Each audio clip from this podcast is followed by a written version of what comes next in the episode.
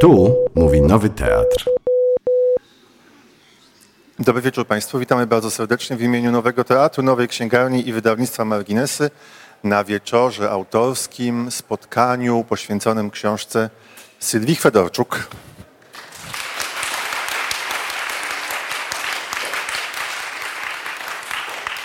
Chwedorczuk, czyli ta od Kowalskiej, tej od Dąbrowskiej. Dzisiaj będziemy rozmawiali o Twojej debiutanckiej książce, która właśnie się ukazała. Chciałbym też, byśmy zaczęli nasze spotkanie od fragmentu książki i powitajmy bardzo serdecznie oklaskami. Dzisiaj będzie z nami Aleksandra Justa.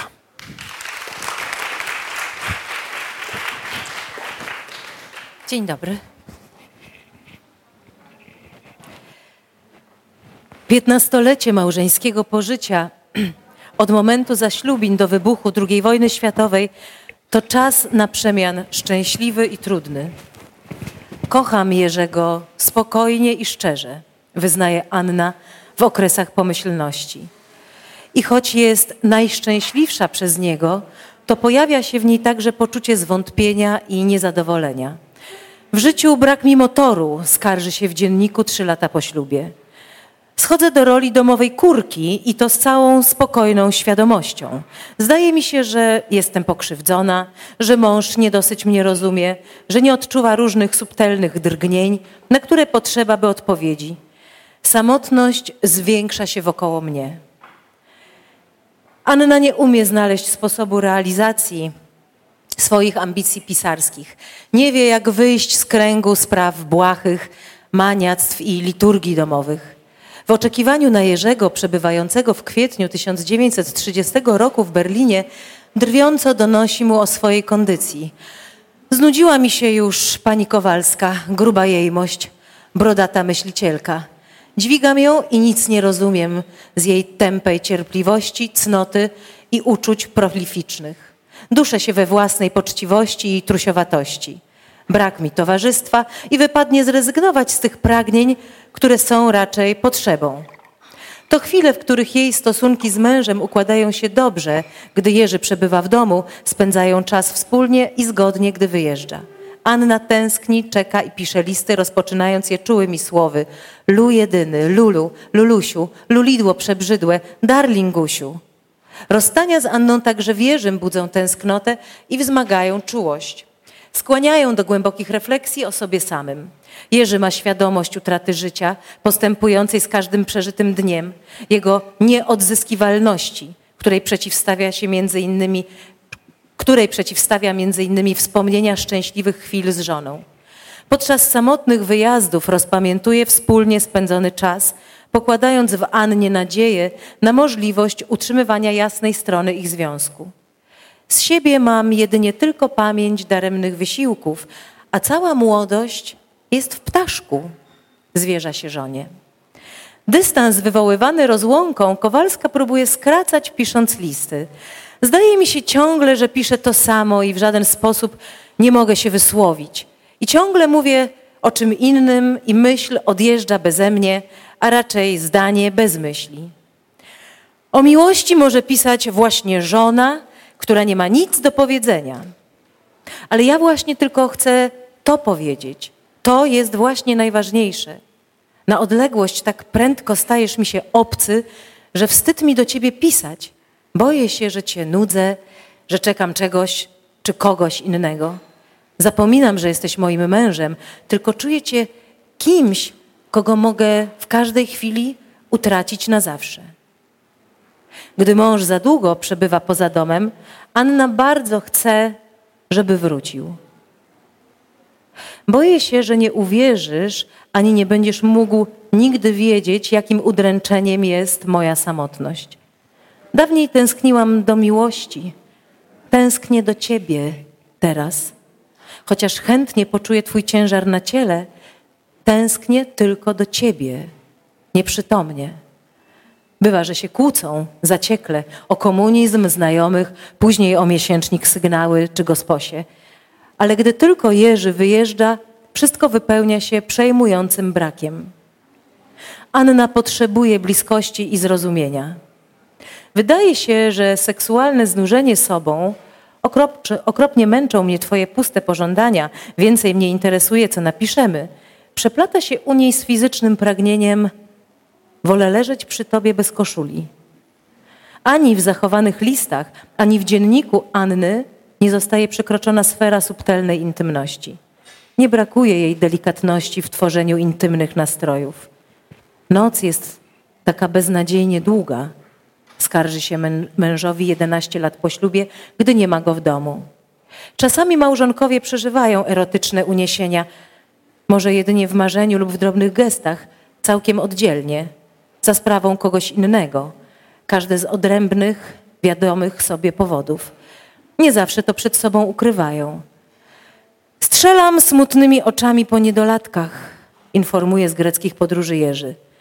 Anna w chwilach zniecierpliwienia codziennością zapisuje w dzienniku. Chciałabym nowego mężczyzny, innego świata, nareszcie kogoś silnego, nie męża, nie kłopoty brudnej bielizny i węgla, bez kompleksu macierzyństwa, silnego stosunku, bez upokorzeń, zatajeń. W przypadku Anny w grę wchodzi zainteresowanie obiema płciami, a w relacjach pozamałżeńskich jej myśli częściej zajmują kobiety. Mimo zdarzających się odejść i fantazji, Anna cieszy się z tego, co ją łączy z mężem. Uważa, że miłość, która trwa, to ich przypadek, pozostający poza utartym schematem, który często obserwuje u innych. Uniesienie seksualne, kłótnia, nuda, czasem rozwód.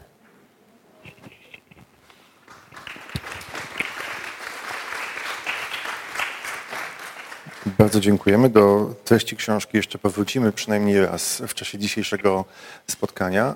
E, zacznijmy może od tego, naszą rozmowę, że tej książki mogło nie być, gdyby nie ktoś, kto przekonał cię, że może nie Różewiczem należy się zajmować. E, tak, to prawda. Chciałam pisać doktorat o Różewiczu i o takim fantastycznym poecie Polu Selanie. Ale miałam na studiach taki epizod pracy z dziennikiem Jarosława Iwaszkiewicza. I pani profesor Grażyna Borkowska pomyślała sobie, że trochę się na tym edytorstwie znam i zaproponowała mi pracę nad listami Anny Kowalskiej i Marii Dąbrowskiej. Nad edycją po prostu tych listów pojawiła się taka furtka, że e, żeby do tych listów zajrzeć i zacząć je czytać i przygotowywać do publikacji. No i się zgodziłam. Ale ta furtka wzięła się skąd? Właściwie tak nie wiem do końca, jakie były te losy. To znaczy Maria Dąbrowska zastrzegła list do 95 roku i do tego momentu właściwie nikt do nich nie zaglądał. Także na przykład e, Tadeusz Drewnowski, który napisał biografię Marii Dąbrowskiej, tylko o nich wspomina, ale nic e, więcej o nich nie pisze. Myślę, że spadkobiercy byli już gotowi na to, żeby pokazać je światu. Ale skoro były ukryte do roku 95, to co? Potem poszły w ruch? Były w obiegu? Czy była się... Nie, nie, nie, nie. nie. Ja, ja myślę, że pani y, profesor Grażyna Borkowska je przeglądała. Pracownicy Muzeum Literatury, te listy są Muzeum Literatury. Y, ja już nie pamiętam, kiedy to było tak dokładnie. Myślę, że to na pewno było przed y, publikacją Dziennika Kowalskiej, bo ja o tej Kowalskiej rzeczywiście nic nie wiedziałam. E, kiedy Grażyna Borkowska przyszła do mnie z taką propozycją. Czyli to dosyć dawno, nie? 13 lat temu. Nie, i nikt ich właściwie nie znał, nikt chyba o nich nie pisał wcześniej. To jakie to jest uczucie?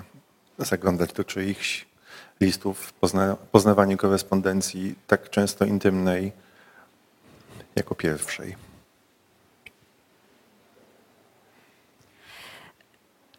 Ja w ogóle nie mam takiego poczucia, e, takiego, czy takiego myślenia o sobie, że jako pierwsza. W ogóle tego nie miałam, nie miałam czegoś takiego. E, trochę na początku chyba wykonałam zadanie. Coś, tak, coś, coś takiego było, ale rzeczywiście jest to bardzo poruszające, bo chyba inaczej się pracuje e, z rękopisami. To jest zupełnie inne uczucie jednak niż jak się pracuje z jakimiś tekstami już opublikowanymi. mm, to było ogromne takie wzruszenie i poruszenie. Jakby, jak pierwszy raz e, dotknęłam tego listu, znaczy zaczęłam czytać pierwszy list, wysłała Maria Dąbrowska do Anny Kowalskiej, e, to wydawało mi się, że śledzę Marię Dąbrowską, że, że to jest e, ta uwaga, a potem okazało się, że podoba mi się bardzo Anna Kowalska i że niczym, e, na pewno w niczym nie ustępuje Marii Dąbrowskiej, na pewno w tej korespondencji. I pojawiło się we mnie takie poczucie, że chcę o niej właśnie napisać książkę, bo lubię trochę takich ludzi zapomnianych. I była wtedy zupełnie mi się wydawało, że jest zapomnianą osobą. A Pewnie gdzieś dopiero zaczęła istnieć w świadomości czytelnika po opublikowaniu jej wyboru dzienników. Tak zapomnianą, że sama, do czego się przyznałaś, używałaś tego określenia, które jest pod tytułem ta od Dąbrowskiej, żeby ludzie wiedzieli, o kim mówisz.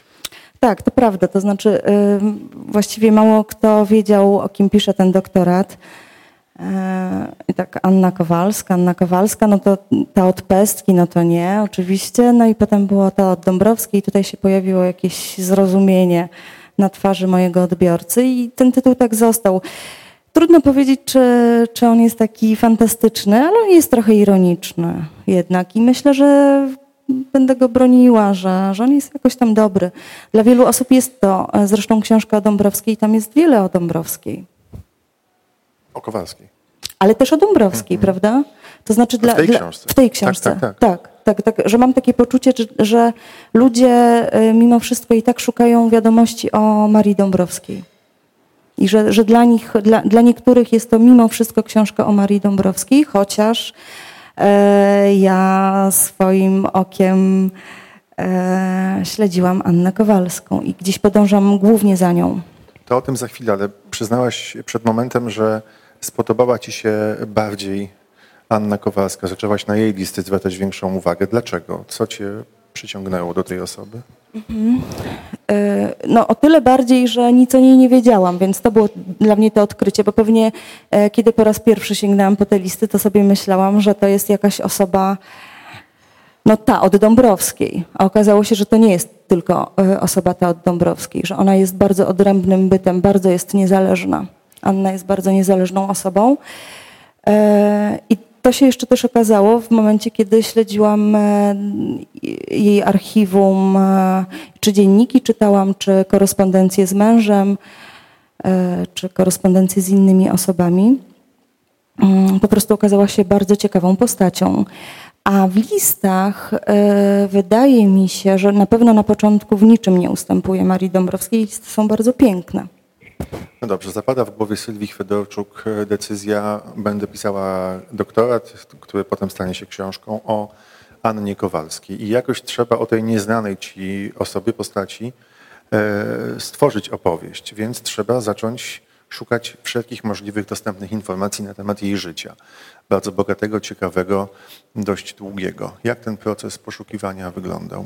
Ja od razu sprostuję, mój doktorat był e, doktoratem wcale nie takim, jak tutaj Państwo widzą, jak przeczytałeś Ty, Michale, e, tylko to był doktorat e, edycja listów. To był do, doktorat edytorski, bardzo trudny zresztą doktorat. Czyli był punktem wyjścia do tej książki. Był punktem wyjścia do tej książki. E, Ja w ramach doktoratu opracowałam pierwszą część korespondencji. Zrobiłam z tysiąc przypisów. To jest naprawdę bardzo dużo. E, To jest szalenie trudna praca. Mm, Praca edytora jest, e, wymaga ogromnego skupienia. Ja nie jestem fantastycznym edytorem, tak mi się wydaje, bo jestem trochę roztrzepana. E, Ale rzeczywiście to, to myślenie, że, że chcę napisać książkę o Annie Kowalskiej, e, pojawiło się bardzo szybko, bardzo szybko. Ja miałam poczucie, że to trzeba jej dać, że to jest e, takie jakieś zadanie dla mnie. Ja sobie to zadanie e, gdzieś wymyśliłam. I przez 10 lat e, opuściłam realizację tego zadania, bo pisałam doktorat, zdawałam egzaminy, pracowałam i robiłam różne rzeczy. I mniej więcej 3 lata temu powstało pierwsze zdanie do tej książki. Część dokumentów i część materiałów miałam już e, i przeczytanych, i gdzieś zgromadzonych w domu, czy na zdjęciach, czy na skanach. E, Wiedziałam już, że jest dziennik Anny Chrzanowskiej. To już wiedziałam przed napisaniem tej książki. Zresztą fenomenalny uważam. E, Sporo wiedziałam, właściwie o niej sporo już wiedziałam. Mm, Ale nie znam za bardzo jej twórczości, nie znam opracowań dotyczących jej recenzji i tak dalej. E, No i nie wiedziałam, e, jak o niej napisać. Tu się zaczął taki kłopot, ale sporo, sporo już e, materiału miałam. A kiedy znalazłaś sposób na napisanie? Właściwie nie chciałam napisać biografii, chciałam napisać e, książkę o relacjach, które zawiązywała Anna. Em, to mnie najbardziej interesowało i bardzo nie chciałam napisać takiego zdania. Anna Kowa- e, Kowalska urodziła się tam, któregoś tam kwietnia, już nie pamiętam, 1903 roku. Wydawało mi się takie strasznie tradycyjne zdanie, ale jest takie zdanie w tej książce. Okazało się, że nie umiem napisać e, e, książki Annie bez tego zdania. Mm, Ono coś porządkuje. Mm, No i, no i właściwie chyba zrobiłam tak jak, tak, jak poczułam. Czyli podzieliłam sobie tę książkę na cztery części. Początkowo to miało być cztery części, czyli cztery ważne relacje, ale chyba są, jest pięć części w książce, bo jedną częścią jest e, chyba miłość. To jest to, co mnie interesowało. Skoro mówisz o relacjach, to teraz spróbujmy się im przyjrzeć w czasie naszego spotkania. Od tych e, najbardziej e, podstawowych, od tych pierwszych zacznijmy, czyli od domu rodzinnego i niełatwej, a wręcz dość skomplikowanej sytuacji rodzinnej w domu Anny Chrzanowskiej. Jest sporo, y, sp- sporo Anna o tym domu opowiada już później, e, bo napisała taką książkę na rogatce. To jest książka wspomnieniowa i dzięki niej możemy się wielu rzeczy dowiedzieć. Też opowiada potem w wywiadach trochę, jak wyglądało to jej życie. E, A życie było takie, że y, nie, nie było za łatwe. To znaczy też nie chcę tego jakoś bardzo wyolbrzymiać, no bo wielu, wiele osób ma niełatwe dzieciństwo. Ale to dzieciństwo było o tyle trudne, że ona w wieku 11 lat, em, mieszkając w tym samym mieście co rodzice, została przeprowadzona do ciotek i do swojej babki francuskiej, co było dla dziecka bardzo trudne do przyjęcia i do akceptacji, dlatego że poczuła się trochę niechciana, e, bo w domu z rodzicami została jej młodsza siostra i młodszy brat i myślę, że to nie jest łatwe doświadczenie, żeby to zaakceptować. O tyle na tym skorzystała, że ciotki prowadziły otwarty dom, były zamożne. Babka mówiła po francusku, bo była francuską i w domu się mówiło po francusku, więc ona w tym sensie skorzystała. One jej wieczorami opowiadały o Europie, o Hiszpanii, o Francji. Ona już wtedy zamarzyła o tym, y, o tym żeby wyjeżdżać. W tym sensie Anna korzysta na tym, ale cierpi. Jej brakuje mm, miłości. W tak młodym wieku jest już tego świadoma. Ona jest w ogóle bardzo szybko świadoma. I nie wiem, jak to, y, skąd to się bierze, że ona jest tak szybko świadoma, bo poznajemy ją, y, jak ona ma 13 lat, wtedy zaczyna pisać swój dziennik. I oprócz tego, że on jest trochę taki pretensjonalny miejscami, no bo trzynastolatka y, pisze jak każda trzynastolatka. Ja mam też dziennik swój taki, ale nie czytam, żeby się nie załamać. E, E, A ona, ona była chyba mądrzejsza trochę ode mnie, to znaczy jej się zdarzają takie fragmenty dzienni, w dzienniku e, rzeczywiście bardzo dojrzałe. Ona ma świadomość tego, co się dzieje, bo ona się zakochuje, powiem tym osobom, które nie czytały książki, w nauczycielce i ma, ona ma świadomość, że to się dzieje. No to jest właśnie sposób na realizację tej potrzeby miłości. Jeżeli nie ma tego w domu, to szuka kogoś innego, kogoś, kto mógłby tę miłość przynieść. Wiesz co, ja tego dokładnie nie wiem. Yy, Sama byłam nauczycielką i wiem, że yy, dzieci się przywiązują do nauczycieli, że to jest po prostu w którymś momencie to jest tak, nawiązuje się pewna relacja, że zdaję sobie sprawę z tego, ja jako nauczycielka zdawałam sobie sprawę z tego, że jak coś powiem, to jest, to jest właśnie to, co pani powiedziała, nie? To jest nawet ważniejsze niż to, co powie rodzic w domu. Yy, Ogromna odpowiedzialność. Mm. Więc, y, ale to nie, to nie jest tylko to. Nie wydaje mi się, że to nie jest tylko ten taki, taka potrzeba autorytetu, mm, to jest po prostu mm, taka młodzieńcza miłość, tylko że na obiekt y, tej miłości Anna wybiera nauczycielkę 25-letnią. No tak, i żyje tą miłością i sporo o niej pisze w swoim dzienniku i ma wielkie nadzieje związane z postacią nauczycielki, ale brutalny świat przychodzi, wkracza w jej życie i to uczucie, ta znajomość zostaje przerywana. I w też bardzo młodym wieku Anna dowiaduje się już o tym, że nie wszystkie marzenia, zwłaszcza te związane ze sferą uczuć, mogą być zrealizowane. To prawda i e, jest taki moment, e, kiedy ten dziennik jest rzeczywiście bardzo poruszający. Wtedy, kiedy ona pisze do, pisze, bo właściwie ten dziennik to jest trochę taki list do tej nauczycielki.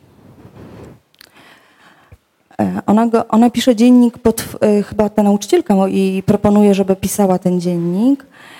E, to, to, to, stąd się bierze, bo ona gdzieś widzi, że Anna ma taki temperament pisarski w sobie i taką chęć. Mm. E, I, i jakie? To nie było pytanie, to było raczej stwierdzenie o, o, brutalnym wkroczeniu życia i Dobra, już wiem, już wiem. I właśnie chciałam powiedzieć, że ona w którymś momencie pisze coś takiego, znaczy dowiaduje się o sobie bardzo trudnej rzeczy, to znaczy potwierdza ją. E, bo na początku czuje się odrzucona przez rodziców, ma poczucie odrzucenia, a potem tłumaczy to odrzucenie nauczycielki, bo od razu tutaj powiem, że tam się właściwie nic nie wydarza. Nauczycielka nie odpowiada w żaden sposób na uczucie Anny. E, to ona pisze takie zdanie, że, ona, że ta Maria Jarosiewicz jej nie chce, bo to tylko ja. Czyli ona potwierdza w sobie, e, potwierdza to takie poczucie, że to nie jest tak, że ktoś nie chce trzynastolatki, tylko nie chce właśnie jej. To jest bardzo takie dojmujące, wydaje mi się. Wynikające z e, braku akceptacji samej siebie, z poczucia niższości? Ona była bardzo złożoną osobą. To znaczy, myślę sobie, że, że nie mogłabym taki, taki też określić, że ona miała brak akceptacji. Ona z jednej strony była bardzo osobą pewną siebie, a z drugiej strony, no właśnie tak pomyślała sobie, bo to tylko ja. To tylko ja jestem, więc dlaczego miałabyś odpowiedzieć na to moje uczucie? Ona gdzieś, bardzo mi się zresztą w tym Anna podoba, nie ukrywam. Mm, w tym, że ona nie widzi tutaj żadnych granic, ona je przekracza, ona jest bardzo wolną osobą i myślę, że do końca zostaje taką wolną osobą. W takim wolnym, wolnym duchu ona robi właściwie to, co chce. Tak, czasy się zmieniają, ale jest wciąż wbrew wszelkim konwenansom. Tak, tak. Świetna jest. Ta znajomość z nauczycielką się kończy, ona wkracza w dorosłe życie, idzie na studia, oczywiście w dużej mierze dzięki temu, że zamieszkała z ciotkami i babką, co umożliwiło im le jej lepszą edukację. No i bardzo szybko na tych studiach y, poznaje Jerzego, przyszłego męża, osobę, z którą się wiąże na stopie prywatnej a później także zawodowej. I to jest, e, no właśnie, satysfakcjonująca relacja, dająca jej spełnienie? I tak, i, i nie pewnie. To znaczy, mm, tak myślę sobie, że do wojny, bo ten, bo ten okres wojny jest jakimś przełomem w życiu Anny. Y, oni są 15 lat małżeństwem. No to tak jak w każdym małżeństwie są i kryzysy, i świetne chwile ale gdybym miała tak ocenić, gdybym musiała to ocenić, to uważam, że to jest świetne małżeństwo, wiesz. Y, I jej czegoś oczywiście brakuje, bo y, Anna jest podwójna. I z jednej strony tworzy tutaj takie porozumienie intelektualne. Jeszcze może powiem coś takiego, że ona była, od, że od, gdzieś tam od początku, i to widać w jej dzienniku, to jest bardzo inteligentna dziewczyna. I mimo, że te ciotki coś dają, ona czyta te książki, mówi po francusku,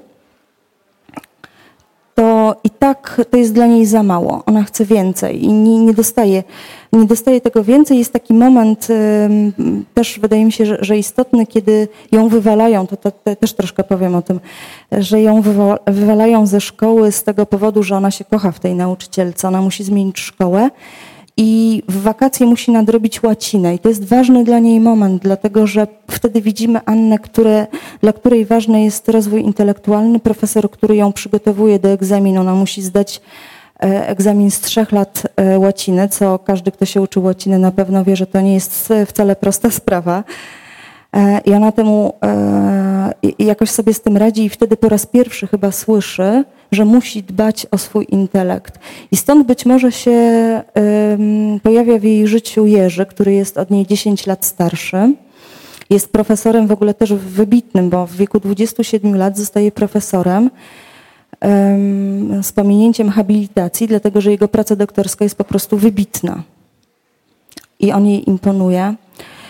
E, I wydaje mi się, że ich początek tej relacji jest e, po prostu początkiem takiego intelektualnego zainteresowania, ale nie tylko oczywiście, oni e, mają relację pełną, ale, ale tak, ale to jest dla niej ważne. Ona chce mieć rozmówcę. Jerzy był fantastycznym rozmówcą.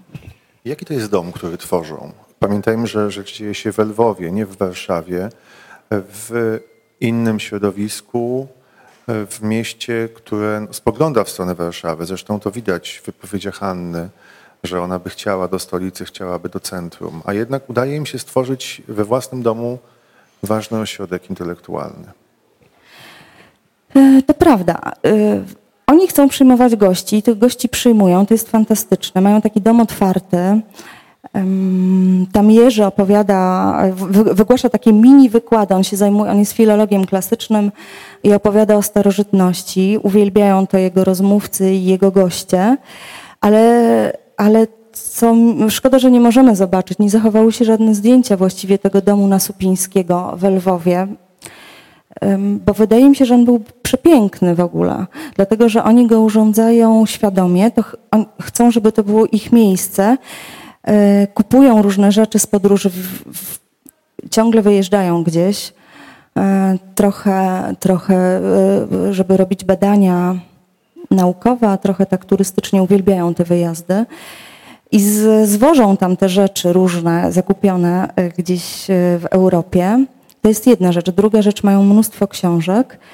E, I rzeczywiście prowadzą taki dom otwarty. Tam się ludzie w ogóle chyba częściej spotykali niż teraz. Ja nie wiem, jak to było. Teraz chyba w kawiarniach się spotykamy. No w tym roku na pewno. No w tym roku to nigdzie, ale cieszę się, że Państwo przyszli. A jak wygląda sytuacja, jeżeli chodzi o y, pracę zawodową, intelektualną Anny? Czy ona jest y, żoną przy mężu profesorze, czy też y, świadoma swojego talentu, swoich umiejętności, próbuje robić coś dla siebie i pod własnym nazwiskiem? Nie, nie. Ona się decyduje chyba być żoną. E, I to jest też takie trochę dla mnie nie, niebywałe, jeśli chodzi o Annę, bo ja myślę... Nie jest sprzeczne z tym, co mówiliśmy tak, wcześniej? Tak, właśnie tak bo, bo ja na nią patrzę jako na osobę bardzo taką wolną, ale ona wszystkie na, wybory, nawet które powodowałyby, że możemy powiedzieć, że jest w cudzysłowie tylko żoną, podejmuje świadomie. E, poza tym wydaje mi się, że ona e, że dla niej najważniejsza jest relacja z drugim człowiekiem. Ona rezygnuje.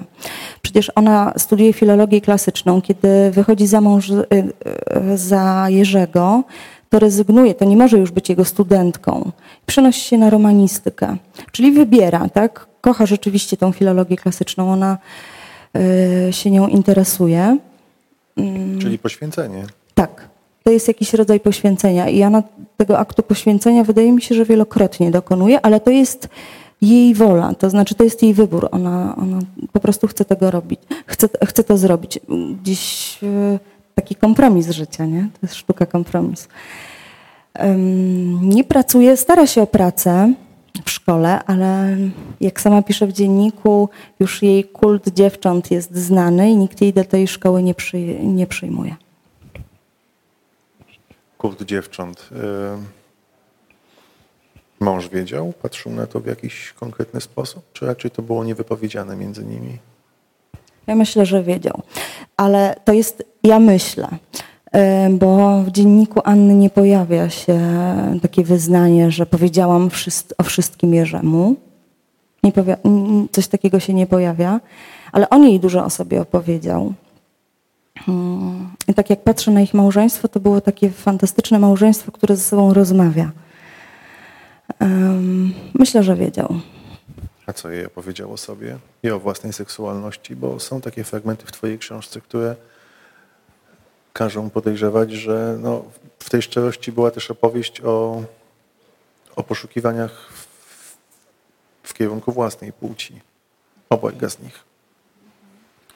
Też początkowo tak myślałam, że e, Jerzy interesuje się mężczyznami lub się nimi interesował, ale wydaje mi się, że to tak nie było, że to był. E, skąd to się wzięło, powiem, powiem osobom, które jeszcze książki nie czytały. On napisał takie e, wspomnienie, wspomnienie o sobie, jak był nastolatkiem i tam się fascynuje poetą Eugeniuszem Siekludzkim. Mm, I rzeczywiście jest to wspomnienie e, fantastyczne. Wydaje mi się, że to świetne jest. I gdzieś e, prowadzi taką walkę ze sobą, czy, e, czy pójść za tym Eugeniuszem Siekludzkim i poddać się takiemu, no, temu zauroczeniu. Ale wiesz, na zauroczeniu. Brakuje mi trochę słowa, bo, bo właściwie się nie dowiadujemy niczego, czy to było coś więcej. Mnie się wydaje, że nie i chyba tak zdecydowałam, tak nawet napisałam w książce, że to nie było nic więcej, tylko takie zauroczenie. E, czy też on po prostu zdecydował, żeby nie pójść dalej. Eugeniusz wyjeżdża, jest chorowity, wyjeżdża do Zakopanego i w którymś momencie mu proponuje wyjazd do Lozanny i Jerzy z tego wyjazdu nie korzysta, nie jedzie. Mm. I on to wszystko opowiada Annie. I Anna interpretuje to w taki sposób, że yy, interpretuje to jako miłość. Tak, w taki sposób. I że nawet boi się, ona jest bardzo młoda, bo wydaje mi się, że musimy pamiętać, że mówimy o bardzo młodej Annie. Ona ma w 24 biorą ślub, to ona ma 21 lat. To jest bardzo młoda osoba. I ona to interpretuje, a to jest właśnie podczas ich pierwszej e, podróży on jej to opowiada i ona, boi się, że ona nigdy nie zajmie miejsca tego Eugeniusza Siekludzkiego. Podróżują e, po świecie śladami fascynacji, zainteresowań Jerzego, ale dla Anny te podróże też są bardzo ważne. Z tego, co piszesz, z tego, co wiemy z jej dziennika, dla niej też to było niezwykle, jak to się mówi, ubogacające. To prawda. E, wydaje mi się, że w ogóle to byli tacy podróżnicy oni się dobrze e, czuli za granicą. Mm, nie chcę powiedzieć, że lepiej niż w Polsce, ale na pewno tam fantastycznie się czuli. Może też dlatego, że oni mieli ogromną wiedzę i tam, gdzie jadą, kochali Grecję, ukochali sobie tę Grecję. I tam, gdzie jadą, to oni e, są takimi turystami świadomymi, oni wiedzą, co zwiedzają. I to było dla nich rzeczywiście bardzo ważne. E, Anna zresztą tęskniła za tymi podróżami od dziecka, bo to, to, to są te opowieści ciotek i, babki. Przecież te ciotki i, mą, y, i ojciec Anny urodzili się w, we Francji. To nie były osoby urodzone w Polsce i ona wiecznie słuchała o tej Europie. Jerzy jej to daje, to znaczy jadą sobie, mo, mogą podróżować, ona jedzie śladami męża, znaczy z mężem jeździ, bo on tam jest naukowcem, robi jakieś badania w Lozannie mm, bada Mickiewicza, wykłady lozańskie Mickiewicza. Więc to jest, myślę, że to jest świetne podróżowanie, tak sobie wyobrażam. A jak to się dzieje, że zakładają spółkę autorską? Bo to jest coś, czego może nie należało się spodziewać w sytuacji, w której ona zdecydowała, że będzie wiodło taki, a nie inny tryb życia. No ale jednak w pewnym momencie coś w niej pęka i zdecyduje się na, na wyrażanie siebie poprzez literaturę i to jeszcze we współpracy z mężem. Ja myślę, że oni oboje w ogóle wcześniej chcieli pisać, tylko że Jerzy e, wybrał mm, tą krakowską, a nie lozańską drogę. Ja to tak nazywam. On w, tym, w tym momencie, kiedy, on, kiedy Eugeniusz go zaprasza do Lozanny, a jest poetą, to być może go zaprasza również do pisania. A Jerzy wybiera krakowską drogę, czyli szkołę, y, czyli uniwersytet. On chce robić karierę akademicką. A Anna chce pisać już y, od małego dziecka i właściwie tam popełniła jak, jakąś powieść, którą matka spaliła w piecu, bo Anna była złą uczennicą. E, I w którymś momencie myślą sobie, że to jest świetny pomysł też na spędzanie życia, na spędzanie takie, na, na jakby na wspólne działanie i za, zawiązują spółkę autorską, wspólnie piszą. E, nie zbadałam do końca tego, czy to w ogóle było takie bardzo popularne. Wiem, że inne małżeństwo, mm, teraz mi wypadło z głowy, Helena Boguszewska i Jerzy Kornacki, też piszą wspólnie. To było małżeństwo, ale oni troszkę później niż Kowalscy. A oni, myślę, że oni po prostu bardzo pracowali nad swoim małżeństwem i pomyśleli sobie, że to jest świetny moment na to, żeby razem coś tworzyć i razem spędzać czas. I... No i tak. I jakie było to ich pisanie? Dobre? Nie najlepsze. Nie najlepsze. To znaczy te cztery powieści, znaczy trzy powieści, jedna y, tom opowiadań, E, opublikowanych przed wojną. Wydaje mi się, że, że, że to nie jest najlepsze. Zastanawiałam się oczywiście, jaki jest wkład, yy, znaczy jak to się procentowo układało, kto tutaj dominował. Wydaje mi się, że Anna jest w ogóle taką osobą, którą fajnie jest mieć obok siebie. Yy, w tym sensie fajnie, że ona bardzo mobilizuje do działania, rezygnując cały czas z siebie. Yy, i ona tutaj raczej domi, y, jakby tak pobudza Jerzego. Ona mu pisze coś takiego, że będziesz fantastycznym pisarzem. E, jak im się nie udaje, to ona właśnie tak jemu opowiada. Mm, po latach mówi, zapisuje w dzienniku, że to było wbrew jej woli, wbrew jej naturze, to, to pisanie w, te, w taki sposób, że, że właściwie jej się to zupełnie nie podoba. E, I jak e, opracowuje do wydania powieść Gąsz, którą wspólnie napisali, ale to już jest po wojnie, już Jerzy nie żyje, to musi tam wiele powywalać, wiele poskracać. Ona ma inną, inny te, temperament chyba pisarski, e, ale mnie się podoba w ogóle to, że piszą wspólnie. To jest fajne. Chociaż krytyka przyjmuje ich powieści chłodno, co Annę chyba gorzko rozczarowuje. Rozczarowuje ją w ogóle to, że nie udaje im się jakoś przebić do świadomości tego świata literackiego, który no, głównie jednak w Warszawie sobie przebywa, rozmawia, ocenia, wystawia recenzje. Tak, to prawda. To znaczy, wydaje mi się, że to, to jest tak dwuetapowo, że pierwsze, pierwsza jej myśl jest taka, co, co sobie pomyśli Jerzy, czy Jerzy się nie załamie, czyli to jest jakby powrócę do tej myśli, że fajnie mieć Annę obok siebie, nie? To jest pierwsza myśl. A druga myśl, ona już jest rzeczywiście znużona tym Lwowem, widzi, że im nie wychodzi. Ona to wie. Myśli sobie, że może im wyjdzie w Warszawie i bardzo chce się przeprowadzić do Warszawy przed wojną. Namawia męża, ale y, on jest uznanym, kochanym, świetnym wykładowcą na Uniwersytecie Jana Kazimierza i tej pracy tak łatwo nie może porzucić i im się to nie udaje. Szuka, szuka e, możliwości przeprowadzki do Warszawy Anna. Właśnie z tego powodu, że ma poczucie, że literatura to się tworzy w Warszawie, że tam jest centrum świata, a Lwów to już nie. E, I że gdyby się przeprowadzili, to by im wyszło. Ale to się nie dzieje. Przed wojną się nie przeprowadzają do Warszawy. Trochę też jest tak, że Jerzy zawsze ma coś obok tego pisania, prawda? Czyli właśnie to, o czym wspominasz, karierę naukową, miłość studentów, szacunek e, profesorów, swoich kolegów e, z pracy. No a ona stale z siebie rezygnując, ma tylko to życie prywatne i ewentualnie pisanie, więc może z drugiej strony jednak było w niej jakieś dążenie, taka chęć zrobienia czegoś ponad, tylko nie umiała tego wyrazić albo nie umiała tego przeforsować. Ja nie wiem, dlaczego ona tego nie robi przed wojną. Bo rzeczywiście tego nie robi. Może za bardzo się ogląda na Jerzego. Jerzy ją e, dopinguje do pracy. To znaczy mów, przecież chcesz być, znaczy pisz, chcesz, przecież chcesz być pisarką, ale yy, sposób, no znamy tylko relacje jej dziennika. Jerzy nie prowadził dziennika, więc, więc nie wiemy jak to było. Ale rzeczywiście, gdyby ktoś do mnie tak powiedział, to do niczego by mnie nie zachęcił, raczej zniechęcił. Um, ona się może trochę boi, albo no jeszcze, to, jest, to może nie jest jeszcze jej czas. Ja nie wiem. No, to jest tak, że, że ludzie potrzebują trochę więcej czasu, żeby coś napisać. Może to jest taki.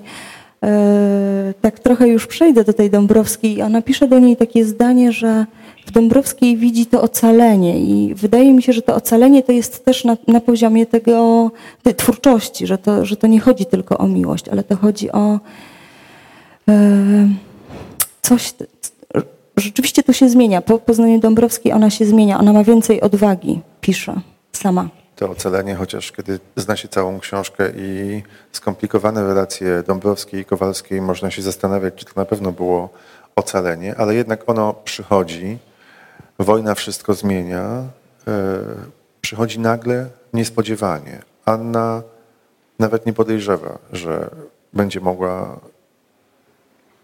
nawiązać jakąkolwiek bliższą relację e, z Marią Dąbrowską, którą przecież zna, szanuje, wie jak o niej mówi środowisko, czyta jej książki, recenzje jej książek, znacznie lepsze od książek e, duetu Anna i Jerzy.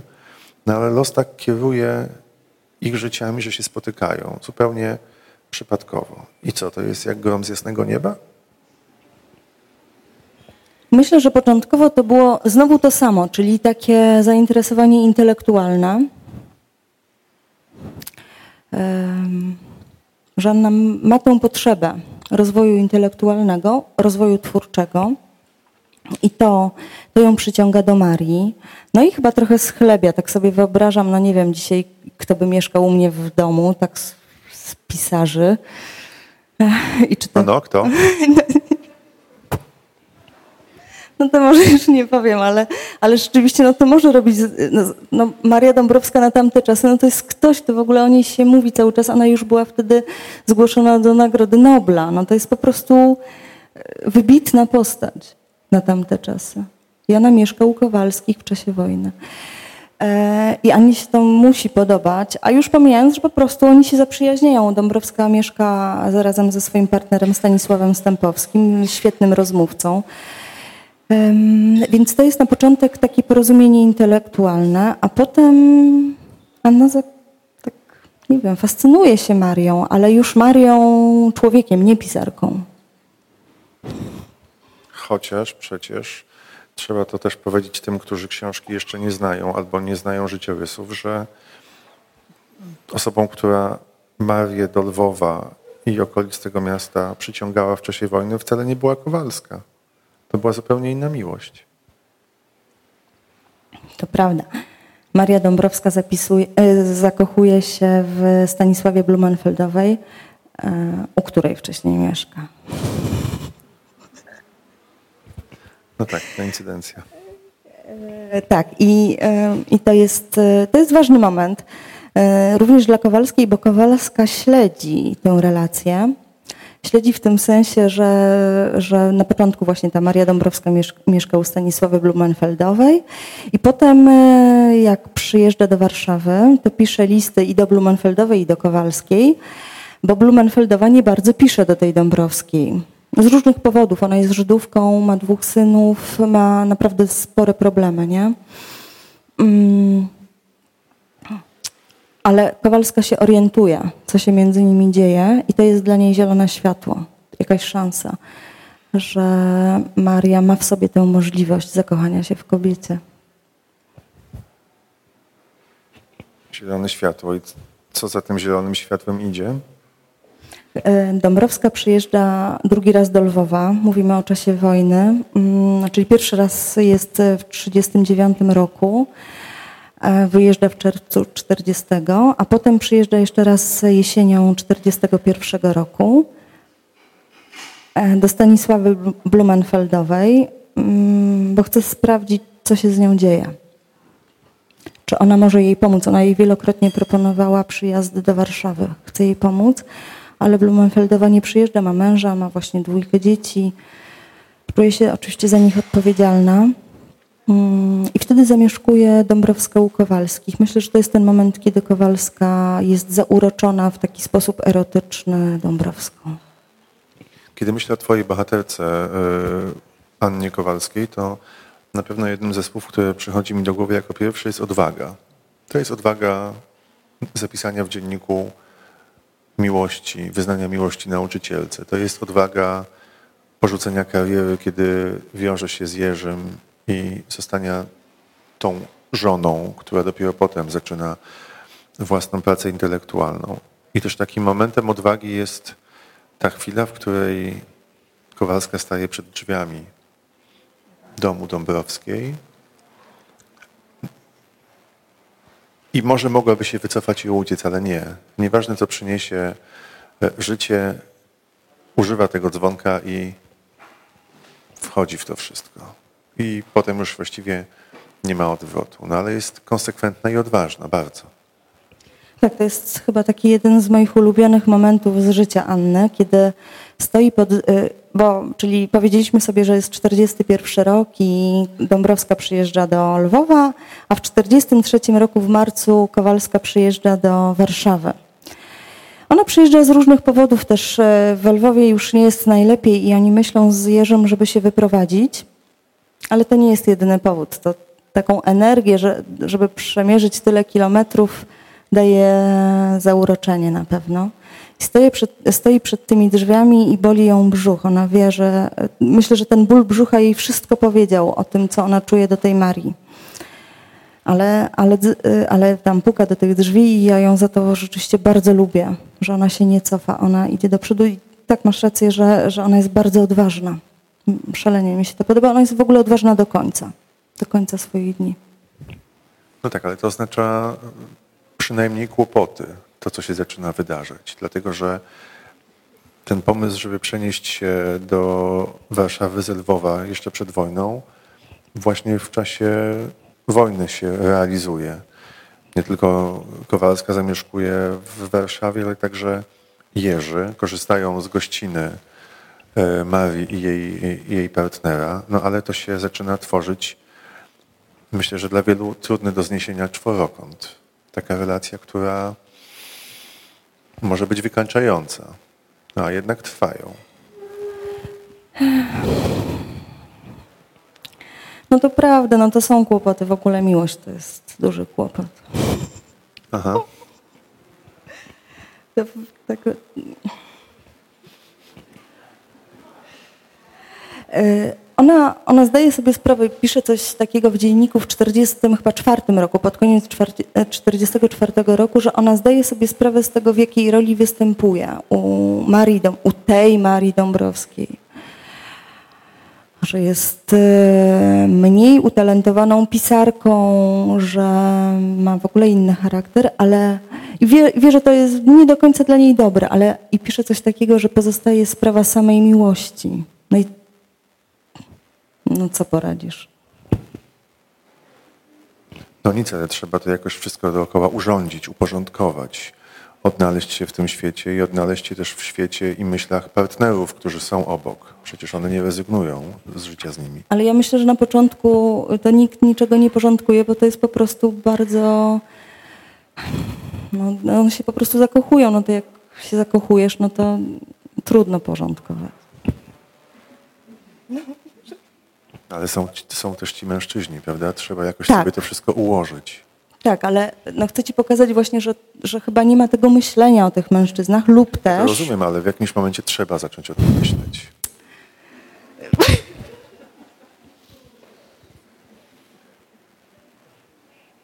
Co prowadzi do pytania, jak ten czworokąt właściwie funkcjonował, bo tam były sympatie, niesnaski i niechęci, a jednak e, no, tkwią w tym. To jest jakieś życie, życie równoległe.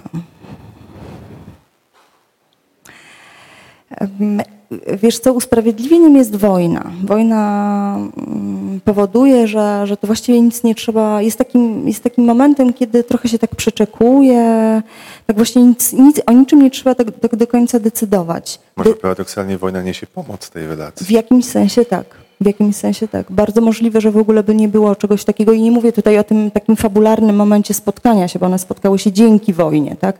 Dąbrowska ucieka z Warszawy ze, Stanisławem Stępowskim i chce się schować e, w Lwowie. Zresztą wielu warszawiaków wtedy tak robi. Em, ale nie, to, że, że to jest coś takiego, że, że to jest taki jakiś moment tymczasowości. Wojna daje e, Annie na pewno moment takiej tymczasowości. Oni nie mają domu już z Jerzem, mieszkają w jakimś wynajętym mieszkaniu naprzeciwko mieszkania Dąbrowskiej. Mm. I, ona no, no, niczym nie decyduje, no bo, no bo jeszcze w ogóle, no, no nie, no, te decyzje i tu zaczyna się kłopot, e, musi podjąć po zakończeniu wojny. I to rzeczywiście jest ten moment m, decyzji i ona razem z Jerzym opuszcza Warszawę i przeprowadza się do Wrocławia. Czyli to jest ten moment takiego porządkowania tej relacji. Um, podąży za Jerzym. Dość radykalna decyzja, przynajmniej z punktu widzenia Dąbrowskiej, choć myślę, że dla Kowalskiej również, no bo trzeba coś przeciąć, a z drugiej strony nie ma mowy o przecięciu, dlatego że to uczucie jest tak silne, to jest trochę takie love and hate relationship, dlatego że są dla siebie cudowne, wspaniałe w chwilach intymności i okrutne w listach albo w rozmowach. Przyciąganie i odpychanie, ale myślę, że jednak znowu wracamy do tematu odwagi. Dla Kowalskiej rok 45 i szukanie dla siebie i dla męża nowego miejsca we Wrocławiu, to jest znowu zaczynanie czegoś od początku. Jerzy jest w łatwiejszej sytuacji, dlatego że we Wrocławiu odbudowuje się uniwersytet siłą profesorów, kolegów Jerzego i jego samego, którzy z Lwowa ocaleli z wojny, stawiają na nogi e, uczelnię, no a ona musi tam dla siebie znaleźć miejsce. I jest daleko od Dąbrowskiej, którą kocha. Tak, zaraz o tym opowiem, tylko boję się, że opowiemy całą książkę. Nie, no wiesz, tutaj opowiedzieć całą książkę to się nie uda w 7 godzin. Słuchaj, tak, e, rzeczywiście jest tak, że, e, że oni szukają miejsca w 45 roku. Jerzy jest w Lublinie, a Anna jest na Polnej z Marią Dąbrowską. To jest ten moment.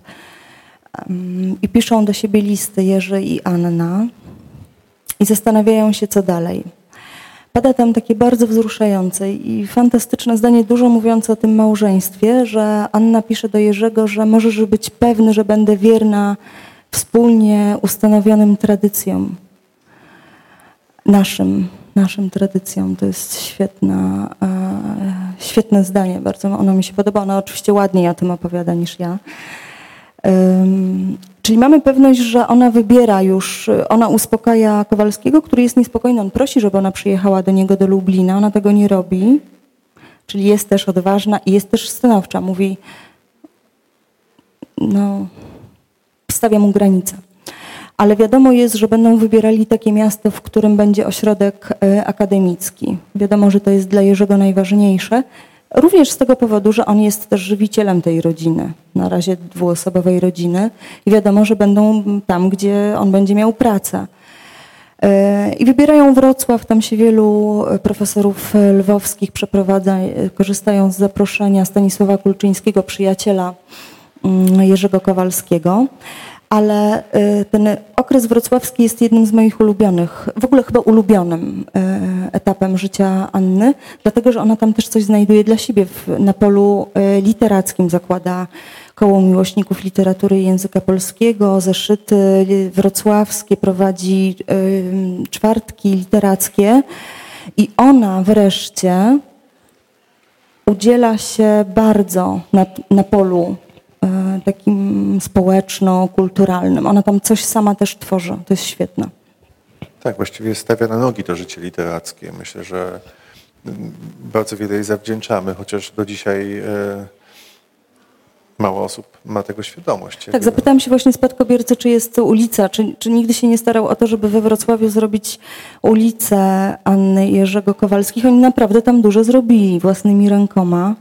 Będę za tydzień we Wrocławiu, to się zapytam.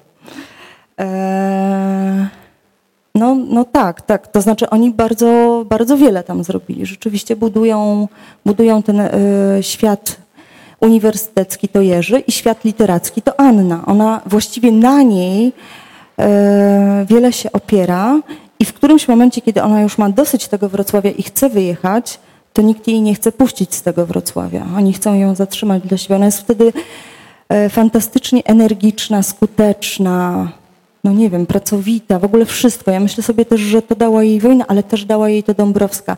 Dąbrowska e, w jakimś sensie działa na ambicje Anny Kowalskiej. Ona ją z czegoś uwalnia. Świadomie czy nie jej to przekazuje? Nie, nie, nie, nieświadomie. To Anna sobie sama bierze od Dąbrowskiej. Teraz tak, żeby nie opowiedzieć całej książki. Możemy Właśnie. powiedzieć, że było dziecko? No, jakieś było, było dziecko. Bo to jest oczywiście bardzo ważny e, wątek w A opowieści. może coś przeczytamy? To na koniec. Proszę.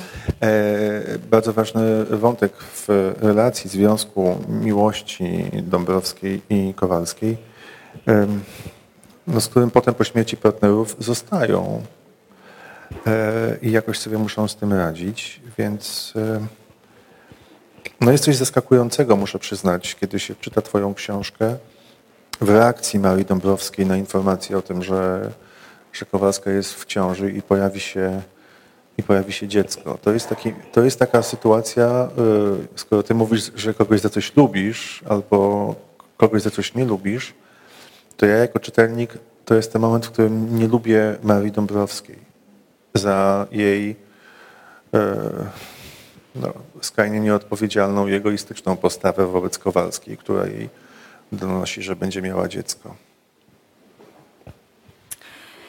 No strasznie jest mi, e, jest to dla mnie trudne, co powiedziałaś, chociaż to nie jest pierwszy taki głos, kiedy ja, e, kiedy słyszę, że ja tę Marię tak trochę przedstawiłam. Wiesz, em, powiem trochę o tych listach, że tych listów jest sporo, nie? T- 2400. I trzeba pamiętać, że ja e, z tych dążąc do e, opowiedzenia tej historii w sposób obiektywny, to jednak ja coś z tych listów wybrałam. Coś Dąbrowska stety lub niestety napisała.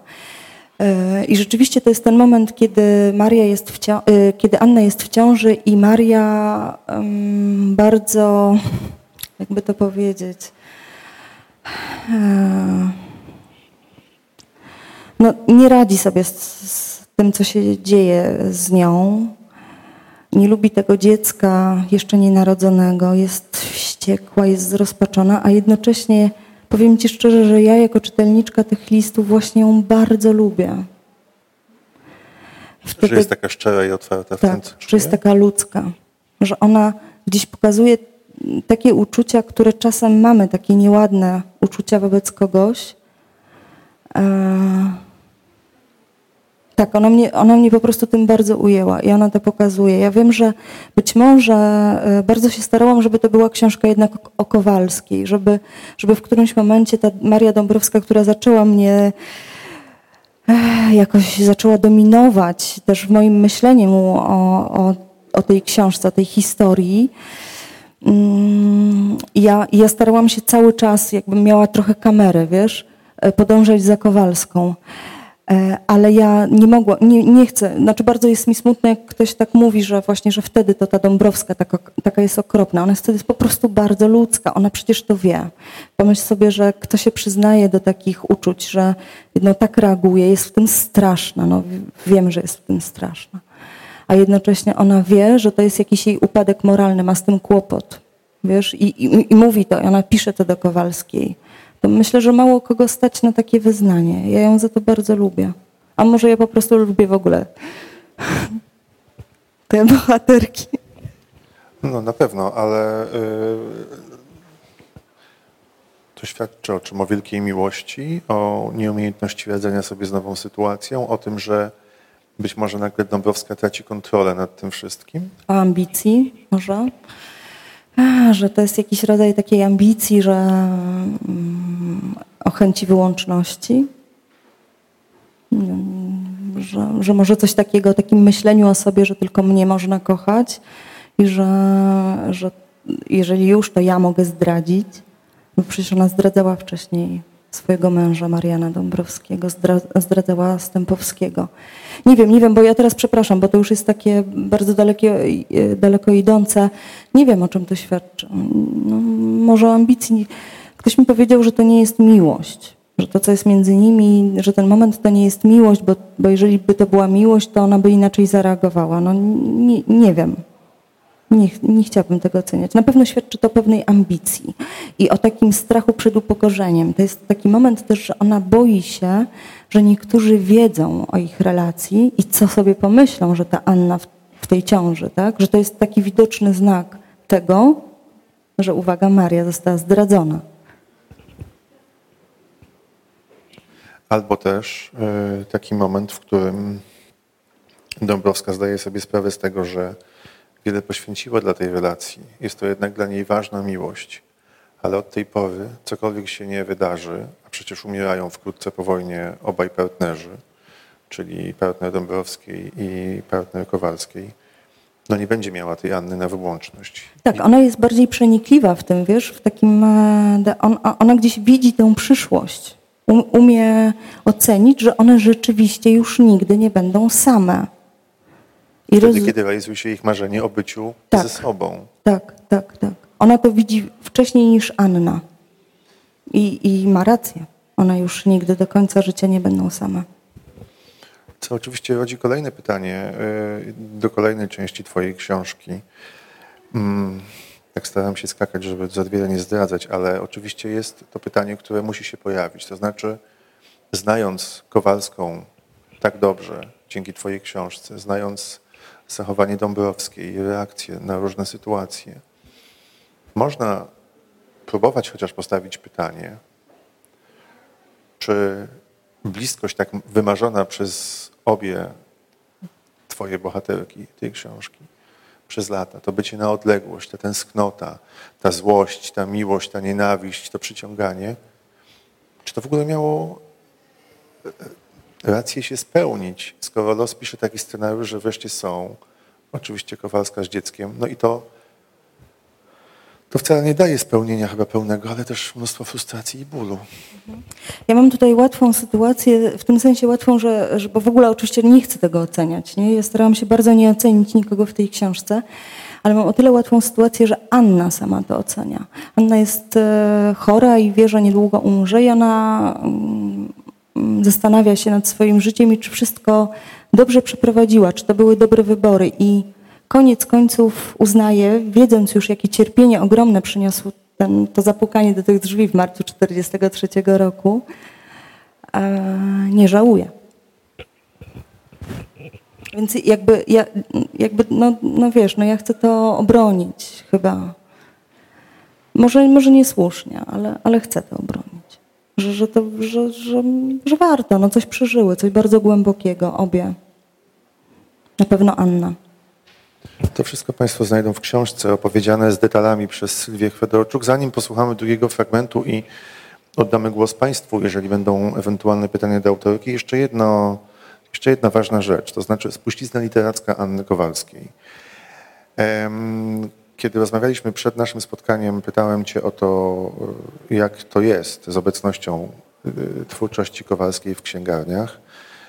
No to powiedziałeś, że książek nie ma, nie były wznawiane. Orientowałem się, są jakieś e, niewielkie liczby egzemplarzy na Allegro, ceny wysokie, dlatego że to w dużej mierze białe kruki. Czy podczas pracy nad książką myślałaś o tym, że warto by było zainteresować wydawców, żeby sięgnęli z powrotem po Kowalską? Czy ta literatura dzisiaj się broni? Czy jest szansa, żeby ona także dzięki tej książce, w której ją przypominasz światu, wróciła do powszechnej zbiorowej świadomości. Wydawało się spadkobiercom, że ona wróci do świadomości, że jest taka szansa na opublikowanie wyboru jej twórczości po opublikowaniu dziennika. Ale wtedy nikt się na to nie zdecydował, żaden wydawca się na to nie zdecydował. Bo zapomniana? Chyba tam sprawdzają, czy ktoś wypożycza z biblioteki. Ja nie wiem, jaka jest. Ale gdzieś, gdzieś czytałam, że sprawdzają wydawcy, czy jaka jest wypożyczalność w bi- No nie wypożyczają, bo zapomniana. Może, może, no ale powiedzmy po dzienniku powinna być przypomniana, tak? A, ale to nie był, to nie był na, ciągle ten moment, Michał.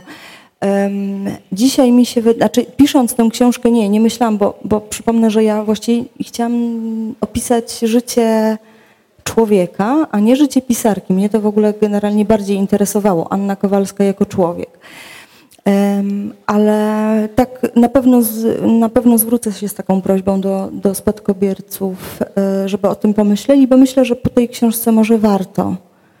Że może, może coś, e, ktoś by się na to zdecydował. Tak, bardzo bym tego chciała w ogóle, tak. A która z jej książek y, dla ciebie jest y, albo tobie wydaje się najbliższa, albo naj, najciekawsza, albo warta uwagi jako pierwsza z tego, co po sobie pozostawiła. Wiesz co, ja myślę tak, znaczy mi, mi się najbardziej podoba na rogatce, czyli książka wspomnieniowa, ale to świadczy o moich wyborach jakichś czytelniczych, e, że lubię po prostu osobiste spotkania. No to widać. Ale myślę, że opowiadania greckie są świetne i że, że może je trzeba byłoby szczelinę. Ja też bardzo lubię szczelinę i szczelina myślę, że do tej pory nie była taka czytelna, a to jest świetna rzecz, y, którą można było prześledzić, bo tam y, to jest bardzo autobiograficzna powieść. I, I pod tym względem mogłaby zainteresować czytelnika. Jeszcze też powiem może, dlaczego ta Anna jest taka zapomniana, bo ona chyba nie angażuje, tak się zastanawiałam, wiesz, dlaczego też mnie w jakimś sensie, to, to nie jest też tak do końca, że ja jestem jakąś wielką miłośniczką jej e, prozy. E, I pomyślę, a jestem w ogóle wielbicielką jej e, korespondencji. I myślę, że dlatego, że ona nie angażuje czytelnika, że ona coś takiego robi, taki jakiś, ma taki ogromny dystans, że my się nie angażujemy w to. Że to, że to jest chyba coś takiego, wiesz?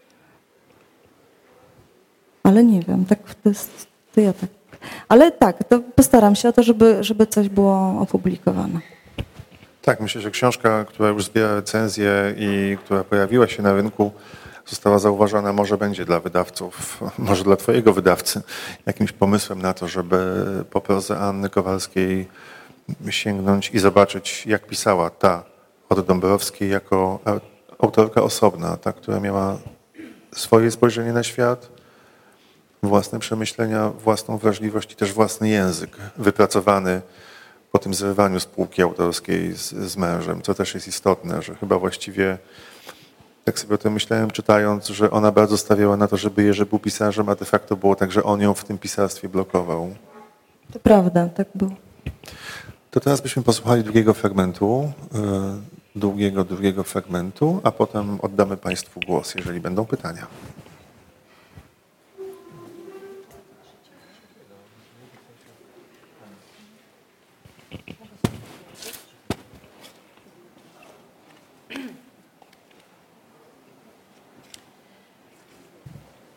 Anna męczy się ciągłym przeżywaniem wszystkiego, raz na dobre, raz na złe. Nie chce być w poczekalni. Zauważa, że to jedna z wiodących cech człowieka sprowadzanie życia do czekania na miłość, na kogoś, na wydarzenia, na zmiany. Dobrze to zna. Chciałaby przekonać Marię i siebie, że mogą sobie w tych warunkach wiele dać, choć i jej nie przychodzi to z łatwością. Anna próbuje żyć podobnie jak w dzieciństwie, pomiędzy dwoma domami. Stwierdza, że polną lubi osobno. Zauważa też, że ona sama jest niejednolita, we wszystkim niemal podwójna. Domagam się listów swobodnie pisanych, tłumaczy Marii, a gdy tylko są, popadam w rozpacz i nie mam siły żyć ani dnia. Oczywiście, że przede wszystkim i nade wszystko moja wina, wina mojej natury. Może ten brak harmonii i jednolitości jest wynikiem czysto fizycznych mieszanin krwi. Ta niejednolitość odczuwania we wszystkich dziedzinach męczy mnie to i przeraża. Obie widzą, że takie rozłączone życie, jedynie wówczas możliwe, rodzi cierpienie. Że czekać się będzie od listu do listu, od spotkania do spotkania że skazane są na zawiłe życie, w którym trzeba będzie brać pod uwagę zbyt wiele czynników, by się zobaczyć. Anna deklaruje, że dziecko w ich relacji nie jest ważne. Przyznaje, że haniebnie Maryjkę zawiodła. Maria źle się czuje pomiędzy łóżkiem męża a wózkiem dziecka. Nie mogę znieść ich przy tobie, w tobie, z tobą, na tobie, pod tobą i tak dalej. Na te słowa Anna zostawia wszystko i przyjeżdża na kilka dni na Polną. I tak trwają w przyjazdach i odjazdach, przepełnione poczuciem, że tylko w listach są same ze sobą, bo podczas wizyt zawsze z kimś, obok kogoś. Dwa ośrodki życia, na Polnej i na Lindego, powodują napięcia pochłaniające emocje i czas. Nastaje dla Marii okres wegetacji nieszczęścia, żalu, że Wrocław nie jest w Warszawie, a Warszawa we Wrocławiu. Tęsknoty nie można ukoić żadnym spotkaniem. Nie ma ciebie. Od soboty upłynęły wieki chwil. Jesteś naj, najlepsza, błagam. Polub trochę życie. Nie pisz tak smutnych rzeczy o nas. Apeluje w sierpniu 1947 roku Anna. Prosi, by przyjaciółka, kochanka, partnerka po prostu ją polubiła. Gdy nie może wytrzymać smutku, poddaje się nastrojom depresyjnym, z czego prawie nigdy się nie zwierza. Rzadko wtedy pisze na polną, zataja coraz gorsze samopoczucie, nie podchwytuje narracji Dąbrowskiej, listów kronik, listów wyznań, listów spotkań. W takich dniach i ona nie chce przyjąć korespondencji jako kompromisu życia. Kocham cię, całuję, cierpię, płaczę, tęsknię. Żegna się Maria. Jak znosić takie ciągłe pożegnania? Gdy żadne plany się nie ziszczają, wyjazdy nie dochodzą do skutku, bo nie ma biletów na pociąg lub zawodzi niania, Kowalska ogranicza swój dzień do myślenia o dzisiaj, twierdząc, że w nim mieści się szczęście i nieszczęście ich związku. Chce być wtedy dobrą matką, prowadzić pogodny dom, ale jest w tym budowaniu domowych relacji nieobecna. Ja sama jestem gdzie indziej, przeważnie z Tobą, czasem z sobą w tym rezerwacie rzeczy ostatecznych, do których każdy się musi niekiedy udawać, wyznaje Maryjce. Obserwuję siebie w roli matki. Nie ma chyba na świecie rzeczy nudniejszej niż własne niemowlę. To za bójda sakramencka z macierzyństwem. To dobre dla baranów. 90% lęku i nudy, reszta szczęście. Czuję się zresztą ze wszystkim coraz gorzej. W Dąbrowskiej także rośnie poczucie, że jej życie zostało zniszczone, że znajduje się w potrzasku bez wyjścia, że to ona ma zdychać, żeby J był szczęśliwy. W poczuciu złamanego życia nie może zająć się pisaniem. Boi się, że udręka, w której żyje już tak długo, zaważy na jej psychice i na dalszych wyborach, na pracy. Tęsknię, pisze do Anny. Nie wiem już za czym. Za zgubionym rytmem samej siebie.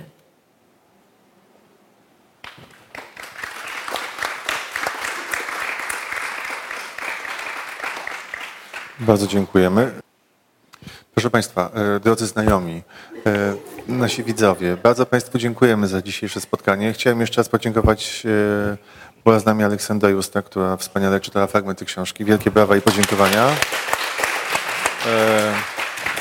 Przypomnę, że spotkanie było możliwe dzięki nowemu teatrowi, nowej księgarni i wydawnictwu Marginesy, które książkę Kowalska ta od Dąbrowskiej opublikowało. A naszą gościnią była Sylwia Chwedorczuk. Wielkie dzięki. Książkę oczywiście można nabyć w księgarni, Dziękuję. a potem e, w bezpiecznej odległości, bez podawania sobie mikrofonu, wyściskać się z pisarką.